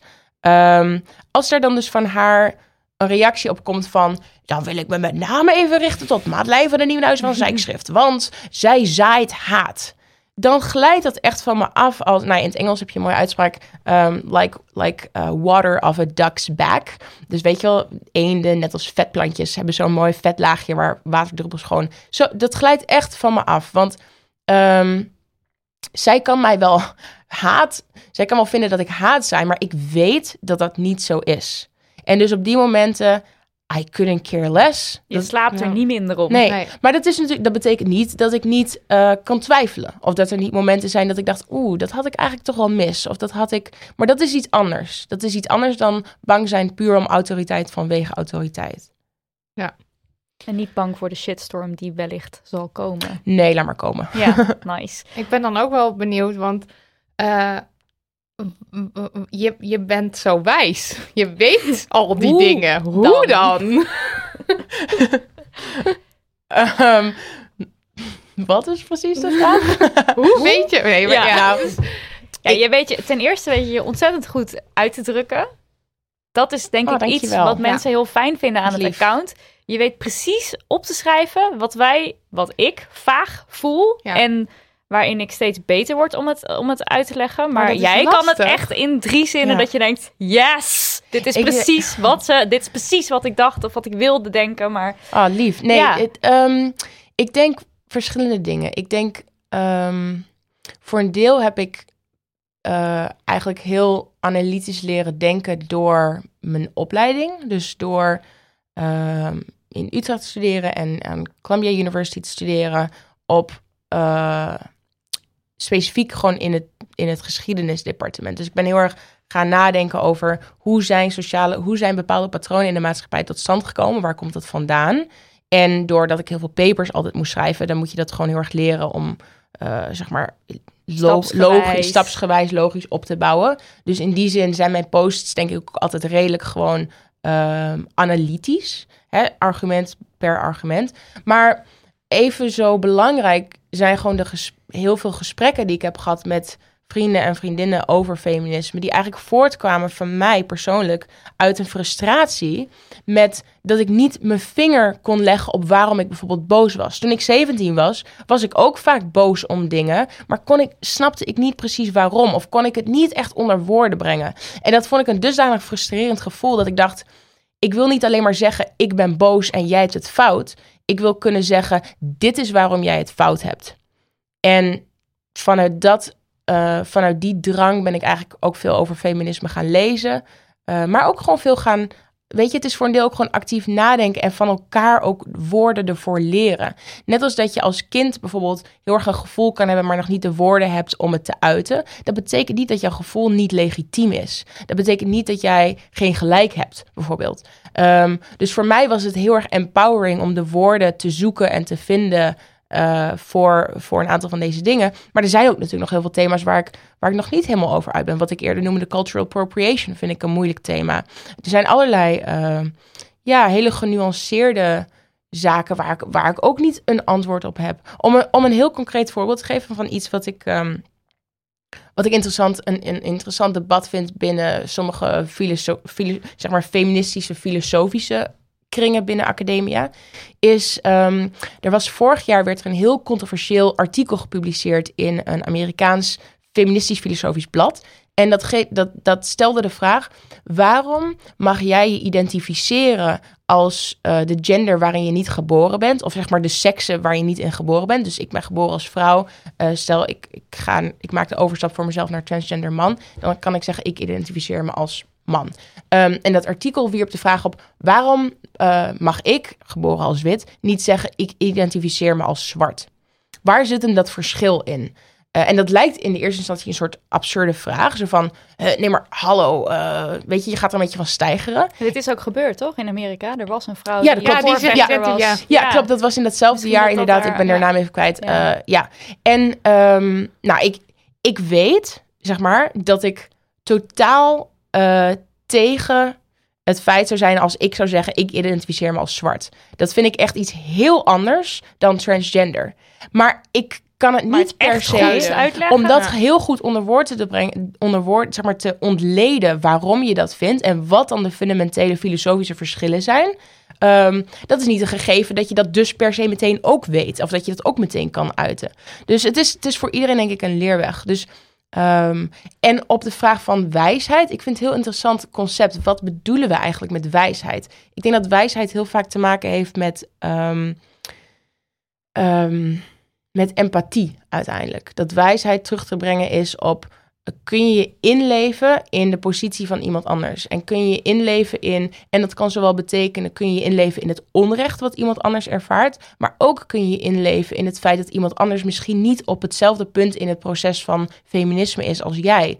En, en kun je daar dan toch in gesprek mee blijven. En dat is iets wat ik eigenlijk, ehm, als ik er zo over nadenk, eigenlijk heel erg door literatuur te lezen heb geleerd. En door me te verplaatsen, door het lezen van mooie boeken. Gewoon of, heel veel eh, verschillende personages ontmoeten in boeken. En Ja. daardoor verschillende gedachtegangen. Ja, en leren van, oh, er kan zoveel spelen in iemand. Eh, en iemand kan, kan door zoveel dingen gevormd zijn, dat, dat het ook een minder interessante vraag wordt van daderschap en slachtofferschap per se. Dus bijvoorbeeld, nou, om het even heel concreet te maken, ik, po ik postte ehm, een paar weken geleden ook een artikel uit de Volkskrant, eh, geschreven door Cecile Narings, over dat sportgala wat had plaatsgevonden en waar vrouwelijke atleten waren geweest, eh, waarvan ze zei. ehm, Waarvan ze, waar, waar, waar foto's bij gepubliceerd werden van die vrouwen die, die dat eh, sportgala hadden bezocht. En daar stonden dan onderschriften bij la, ehm, eh, eh, als je zulke gespierde schouders hebt, kun je beter niet een vierkante eh, neksluiting dragen van je jurk. Als jij, eh, ze- als jij eh, stevig boven bent, ik zeg maar wat, als jij stevig boven bent, dan misschien geen hakken, maar dit of dat. Nou ja, zo waren een aantal dingen. En daarvan eh, en het was niet, het was niet een, een heel extreem artikel, maar met name die onderschriften vond ik heel problematisch. Want ik dacht, waarom, waarom moeten we eigenlijk spieren verbergen? Waarom, waarom, waarom houden we dat beeld zo in stand van wat, wat we verstaan onder elegantie? Elegant vrouw precies. zijn. Ja, dan sta je daar als, als sportheld. Als fucking en dan mag je je sterk spieren mens. niet laten zien. Ja, ja of dat wordt dan gezien als, eh, ja, als, als, als niet classy. Nou, echt bullshit natuurlijk. Ehm, maar ik zei ook bij dat artikel van... ik wilde haar daar niet... ik wilde Cecile Narings niet afschilderen... als soort van een extreem voorbeeld... wat dan eh, hier een soort... eh, ehm, wolf in dit verhaal is. Het is gewoon decennia lang in de hele mode-industrie, in, de hele, in het hele schoonheidsideaal van, van de westerse wereld, eh, zo geweest. Dat je als vrouw idealiter een zandloperfiguurtje hebt en mooie blonde haren en lekker een stofzuigertje voor je uitduwt. Ehm, zeg maar dat, dat, dat dat niet zo gek is, dat, daar nog een, dat er nog een residu van dat soort schoonheidsidealen bestaat. En dan is een journalist, dus dat vind ik het niet interessant om zo iemand Persoonlijk te zien als dader. Ja. Ehm, maar die is gewoon onderdeel van een systeem en daar moeten we met elkaar over praten. En zij reageerde, Zij daar dus ook heel Ja. constructief op. Ze zei van, eh, oh, heel erg bedankt voor je feedback. Eh, ik zal dit niet meer doen eh, met die onderschriften zo. Goed punt. En dan denk ik echt fantastisch, Ja. weet je? Waarschijnlijk als ik, daar, als, ik, als ik iets had gezegd van... What the fuck is dit nou? Ik las dit. Cecile Narings, wat ben je een kutwijf. Ja. Nee, dan, had er, dan was er nooit zo'n reactie gekomen. Nee, want inderdaad, als je iemand aanvalt, dan kan je een verdediging terugverwachten. Terwijl als je, als je meer de maatschappij aanvalt en, en noemt wat er, wat er misgaat, maar niet het persoonlijk maakt, dan heb je En- natuurlijk een veel genuanceerdere reactie terug. En er zijn natuurlijk gradaties, want bij dat Amazing artikel ben ik er wel degelijk harder in gegaan dan bij dat Volkskrant artikel. Dus dat artikel over die nagelsalon, daar ben ik veel eh, eigenlijk rechtlijniger geweest in het afstraffen. Dus veel meer gezegd van, het is niet zo dat dit een beetje niet kan. Dit kan echt totaal niet. En daar, daar schrik ik ook niet voor terug. Weet je wel, ik, als, als, het, als het echt heel extreem is, dan ga ik het ook niet mooier er maken dan het is. Ja. Ja. We hadden trouwens nog een vraag van een luisteraar. Ehm, even kijken, die is van roos.alien. Dus ik vermoed dat ze Rosalien heet. Ehm, de vraag is, ik ben benieuwd hoe ze op feminisme is gekomen. Ze, Madeleine. Being tijdschrift, ja. Eh, en of ze daarvoor nog door de ignorant eeuw, dat zijn gekke vrouwen fase is gegaan. Ha, ha, ha. Ja, nee, grappig. Dat, dat idee bestaat inderdaad nog steeds. Ik bedoel, nog steeds heel erg van. Oh, feministen. Hoewel al voor mijn gevoel minder dan vijf of tien jaar geleden. Het is wel weer een beetje meer hot topic geworden of zo door mensen als Beyoncé. Ehm, hè, die, om, om gewoon dat woord te gebruiken wanneer je eigenlijk bedoelt gelijkheid. Gelijkheid. Ja. Ehm, voor, voor mannen en vrouwen. En eh, alles eromheen en daartussenin. Ehm ben ik door zo'n fase gegaan. Ik, de- ik ben nooit door een fase gegaan dat ik... eh, ik ben meer door een onwetende fase gegaan van dat ik niet precies wist wat feminisme was. Maar ik heb het nooit zo, weet je, het stereotype van, oh, puur je okselhaar laten staan. Ik heb, ik heb nooit gedacht dat dat was wat feminisme was. Ehm, ik, het eerste, toen ik 17 was, nou ja, ik was, ik was, ik heb HAVO gedaan in Oldenzaal. eh, en op mijn zeventiende naar heb ik een toneelopleiding, ben ik een toneelopleiding begonnen in Amsterdam. En want ik dacht altijd van, oh, ik wil de plank op, ik wil toneel spelen. Want ik vind het zo interessant om menselijke psyches te ontleden. En dat vind ik leuk om daarmee te spelen. Maar dat bleek toch niet helemaal te zijn wat ik dacht dat het zou zijn. Dus ik stopte daarmee en ik had geen idee. Ik raakte in een soort mega existentiële crisis. As one does at 18. En ik ben toen naar Parijs verhuisd voor een jaar om een soort tussenjaar te nemen. En ik ben toen naar de Nieuwmarkt, geloof ik, in Amsterdam geweest, waar die grote boekmarkt één keer in de maand op zondag of zo is. En ik ben toen mensen gaan vragen van, eh, ik ga naar Parijs verhuizen en ik wil eigenlijk twintig klassiekers meenemen. En toen is er één vrouw geweest daar en die heeft mij de tweede sekse van Simone de Beauvoir gegeven. Dus eh, gewoon, ze zei van, hier, neem maar mee.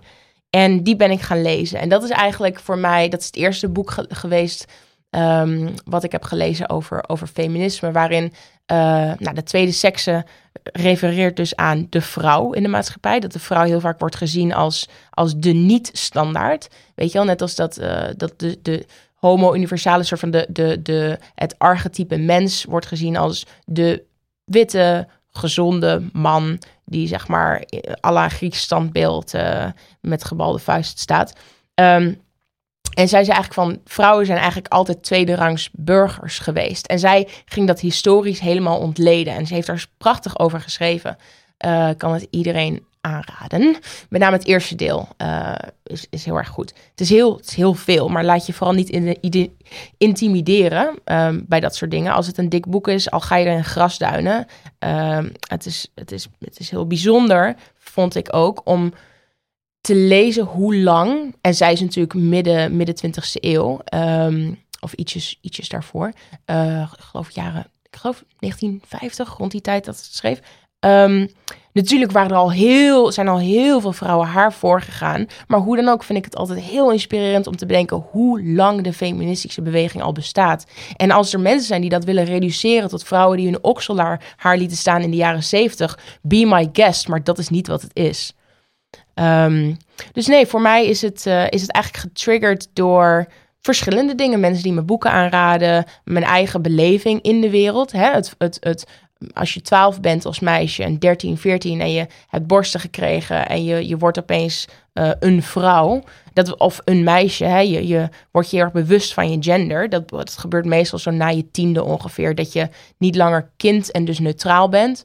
Ehm, niet dat kinderen al helemaal, niet dat kinderen neutraal worden opgevoed, maar je wordt je er pas echt bewust van als je zo je tienerjaren ingaat. Dus dat ging eigenlijk hand in hand met dat ik erover begon te lezen. En ik heb een van de dingen die ik altijd heel erg mooi vind aan het concept feminisme, is dat het niet iets eenzijdigs betekent. Het betekent wat jij het wil dat het betekent.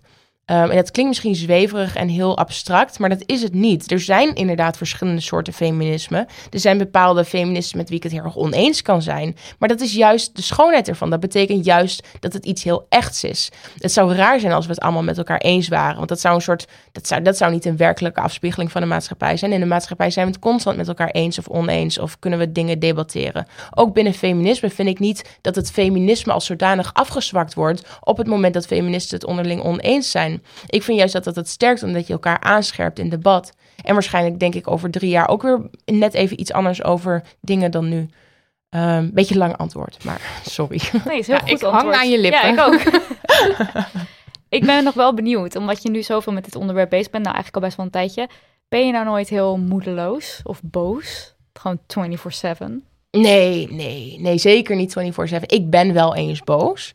Ehm, maar ik heb juist gemerkt dat door mijn Instagram dat ik het, dat het, he- het is zo fijn voor mij om ehm, boosheid of frustratie om te zetten in een post. Dan, het werkt ook een beetje therapeutisch. Dan schrijf ik het er, dan, dan schrijf ik voor mezelf op in zo'n post van dit is waarom ik dit niet oké vind. Nou, dan heb ik het al een beetje uit mijn systeem. Zoals je soms ook, hè, als je ergens mee zit en je praat er even over, dan voel je je vaak al beter. Maar dan ook op een manier dat mensen daarop gaan reageren en daarover gaan praten, is voor mij super stimulerend om te weten van ik ben niet de enige die dit zo vindt. Dat krijg ik ook vaak terug van andere mensen die dan zeggen van... oh, ik dacht dat ik een zeur was, maar ik zie nu dat mijn gevoel gewoon een legitiem gevoel was. Ehm, dus ik haal er eigenlijk juist ook heel veel kracht en energie uit, eh, waar ik enorm van geniet. Het is wel eens, het is wel, er gaat wel veel tijd en energie in zitten. Ik wil het ook niet afdoen alsof, alsof het allemaal een breeze is of zo. Ehm, er zijn wel dagen dat als ik een post doe die zeg maar semi-viral gaat, dan ga ik echt veel, dan steek ik veel tijd in DM's. Dan steek ik veel tijd in in de gaten houden wie daarop reageren, hoe daarop gereageerd wordt. Ik wil ook altijd zorgen dat mijn comment section niet ontaart in een soort van agressief gedoe. En dat doet het bijna nooit. Maar weet je, er zijn soms, ik probeer altijd aan te geven als mensen, en dat snap ik ook. Er zijn soms mensen die zeggen van, oh die tut hola, wat een kut artikel. En ze ziet er zelf niet eens uit. Ja. Ja. Eh, en dan, dan vind ik het ook belangrijk om te zeggen: hey, laten we het bij de inhoud houden. Ik, ik, eh, ik support niet dat we elkaar op ons uiterlijk aanvallen. Dus je wil erbij blijven. Dus dat soort dingen kosten tijd en energie. In feite, ik zat erover na te denken. Ik heb nu dit Instagram-account 2,5 jaar. Ik heb sowieso wekelijks iets gepost, 2,5 jaar lang. Er zit heel erg veel tijd in, ehm, onbetaald. En dat is prima, maar dat, dat, dat moet soms wel even gezegd worden. Weet je, activisme is niet, eh, is niet niks. Net als wat jullie doen, dat is ook niet niks. Je moet er maar, het is ook een luxe om de tijd te hebben om dat te doen. En heel veel mensen die zich niet uit kunnen spreken, doen dat ook niet per se omdat ze dat niet willen of omdat whatever. Som, sommige mensen hebben daar de luxe niet om daar tijd aan te besteden. Dus ik heb ook een, een gevoel van, ik heb daar wel tijd voor. Ik vind het belangrijk. Ehm, dat wil ik dus ook doen. Ja, het is jouw Ja. vrijwilligerswerk. Ja. Ja, en daar bereik je natuurlijk wel mooie dingen mee. En dan vraag ik me ook af, heb je al het idee dat er dingen veranderen? Niet dat ik wil zeggen dat het enkel en alleen door jou toedoen Nee. komt, maar je bent al ontwikkeling? 2,5 jaar bezig. Ja, ja, de eerste, ja, zeg maar, de eerste jaar ongeveer voor 400 mensen. En toen ging het eigenlijk in één keer met spurten, omdat ik toen ook opiniestukken begon te schrijven in Parool en NRC en eh Hard Hoofd en zo. Ehm, en ik heb er nu dus inmiddels eh 8400. Op naar de 10.000. Eh, ja, Swipe op up, naar swipe de up. Swipe up. Oh ja. Nee, dus Hele tune bij de. Ja. Ook een half uur dan gaan praten over de swipe-up. Nee, maar... ehm, ehm, even denken. Verbetering. Ontwikkeling. Oh ja. Wat ik dus merk, en dat is dubbelzijdig. Ik heb er gemengde gevoelens over. Aan de ene kant ben ik namelijk... Ik ben ontzettend blij dat er hierdoor meer gesprekken plaatsvinden. Want dat, dat hoor ik gewoon van volgers. Dat merk ik aan heel veel volgers die hebben me van... Ik ben door jouw account eh, bewuster gaan nadenken over bepaalde zaken. Dingen vallen me nu sneller op. Dus ik weet dat dat op microniveau bij volgers eh, zo, zo is, bij sommige daarvan. Dus dat is super fijn. Ik denk dat het feit ehm, dat er gewoon inmiddels meerdere tijdschriften zijn geweest die hier actief op hebben gereageerd en hun excuses hebben aangeboden. Of zoals laatst het Parool met hun redactioneel commentaar. eh, toen ik het had over antisemitisme. Of eh, Harper's Bazaar die een artikel offline heeft gehaald. Wat ging over dit mogen vrouwen na hun dertigste niet meer Oh ja. dragen. Oh ja.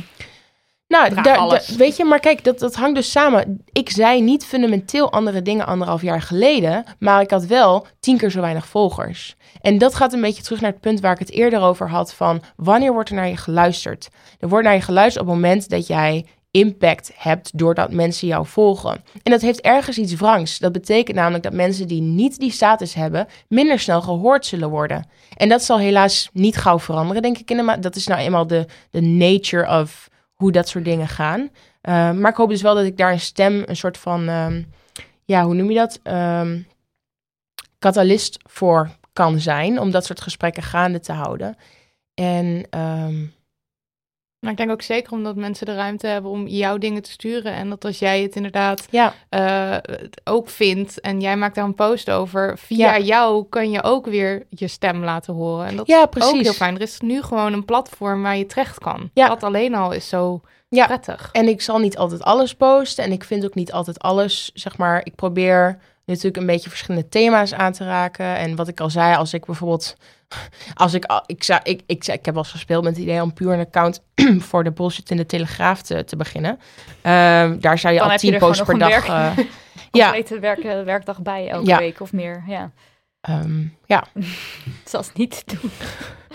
Ja, nee, natuurlijk kan je niet alles posten. Dat is logisch. Nee, En maar ik denk, ja, verandering, verandering, ehm, verandering komt wel degelijk, denk ik, met eh gesprek steeds, gewoon steeds meer toehoorders vinden en steeds meer participants vinden in gesprekken. Ja, dus iedereen laat je horen als je iets Zeker. ziet. Ja. ja. Volg zijkschrift. Ja, het volgt maar ik denk dat heel veel van onze volgers zijschrift opvolgen. Hey, Zullen we afsluiten? ja, met want iets we zijn leuks? namelijk super benieuwd, want ze had het net over een Primeur. primeur. Oké, daar komt hij. Anticipatie.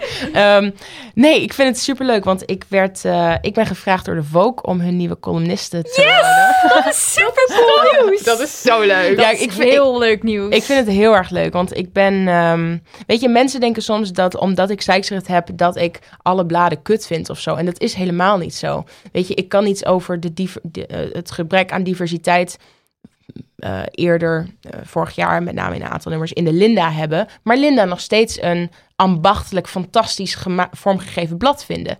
Ehm, en ik vind de Vogue bijvoorbeeld dus ook een heel erg goed blad in... eh, ja, hoe ze een soort hele leuke combinatie vinden van kunst, cultuur, maatschappij, stukjes over van alles en nog wat.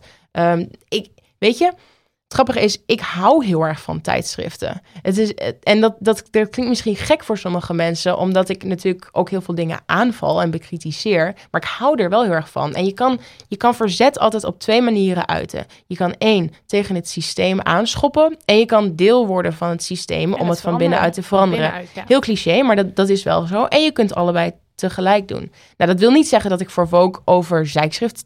eh, dat het een soort van eh, verlenging helemaal van zijkschrift wordt. Ik, het lijkt me juist heel erg leuk om wat meer over... op een literaire manier over bepaalde thema's... hoe die zich uitspelen in mijn eigen leven te gaan schrijven. Ehm, maar ik heb er heel veel zin in. Ik vind het heel erg leuk dat ze daar platform aan geven. Echt Ja. heel cool. Ehm, Mag je dan eigenlijk nog wel artikelen uit Vogue aanvallen op zijkschrift als je dan Tuurlijk. daar wel columnist voor bent? Ja, Ja, als columnist Zal ik sta je een beetje erbuiten. Ja, dat is waar. Dan hoor je er niet. Je mag alles zeggen. Nee, heeft Joep, hè? Zoals Joep, ja. He- nee, maar hele, zeggen. hele goede en legitieme vraag. En ehm, zeker, je kunt er zeker van uitgaan dat als er iets is wat ik misvind in de Vogue, dan zal ik dat nog steeds gaan zeggen. Mooi. En wanneer komt je... Heb je al een deadline? Ja, eh, ik heb net de eerste ingestuurd eh, vorige week. Yes. Eh, gaat voor Heel een deel cool. over Joan Didion, een van mijn favoriete schrijfsters, essayisten in Amerika. En komt er de eerste week van februari uit. dat is al heel snel. Allemaal Volgende week een fotoshoot. Dat is, leuk. it's Oh, gonna be a Oh, first. Dat is zo leuk. happy. Dat is zo cool. ja. ik dacht al van tevoren, ik moet eigenlijk even een shotje tequila doen van tevoren, zodat ik een beetje losjes ben. Maar anyway. Komt wel goed. Komt wel goed.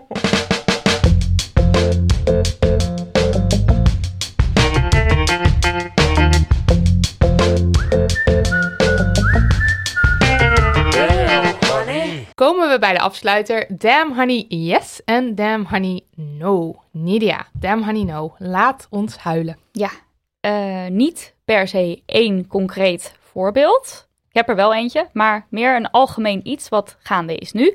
Want het nieuwe jaar is daar en daarmee ook een shitload aan fatshaming. Het stikt van de reclames over zo snel mogelijk afvallen. In mijn omgeving hebben veel mensen het over de kilo's die er tijdens de feestdagen aangegeten zijn. eh, dat je daar dan vanaf moet komen, omdat je zo gezondigd hebt. Eh, op social media komt er van alles in deze categorie voorbij. Oftewel, het is een hele lastige tijd voor mensen die eh, moeite hebben om hun lichaam te accepteren. En dat vind ik een damn honey no. Dus alles rondom dit onderwerp. Dus mensen en dan voornamelijk vrouwen vertellen dat ze niet goed genoeg zijn en dat ze er anders uit, mee, uit moeten zien om mee te mogen tellen. Dat is gewoon heel kut. Dat is ook kut. Ja, en ik, Ja. ik s- werd gewezen.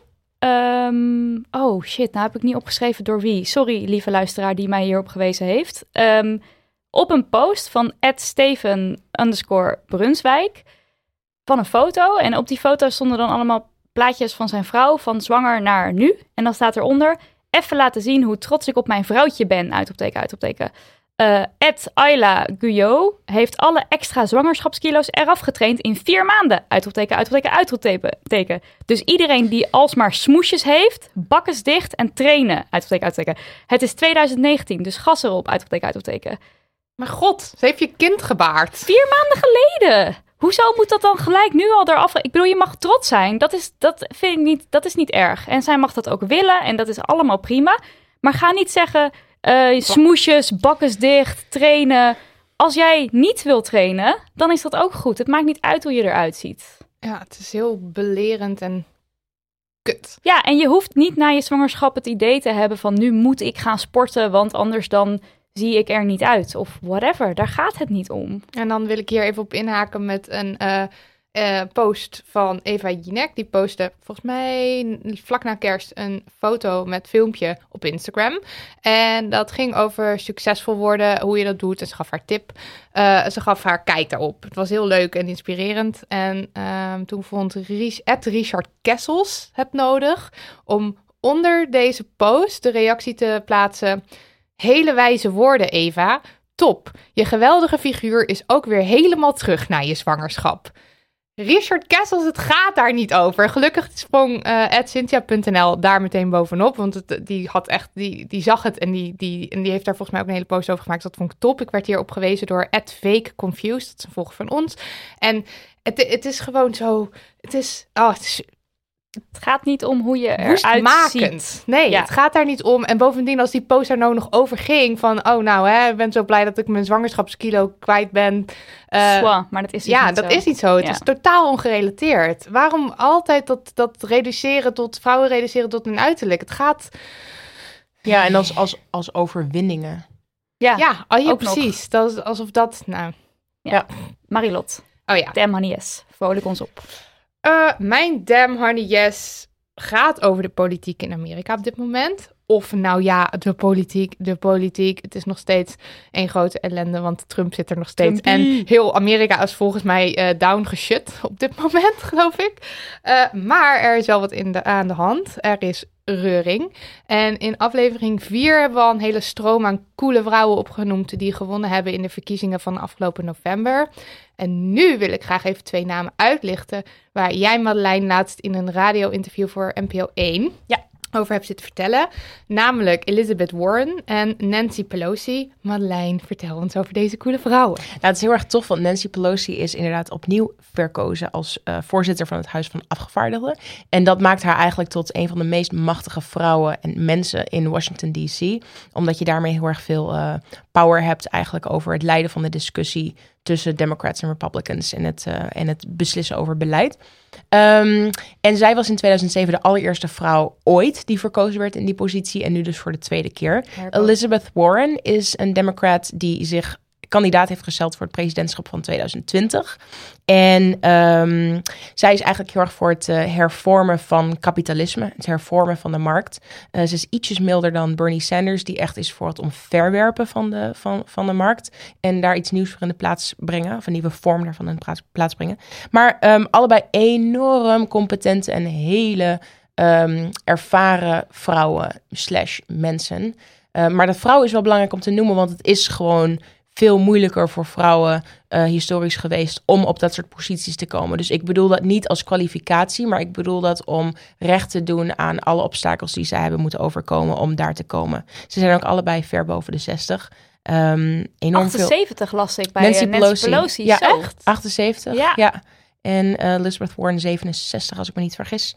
Ja, dat, zijn, dat is ook anders in Amerika. Da- daar hebben ze sowieso een andere, ander idee over leeftijd binnen de politiek dan hier. Presidenten zijn ook vaak bo- ver boven de 60.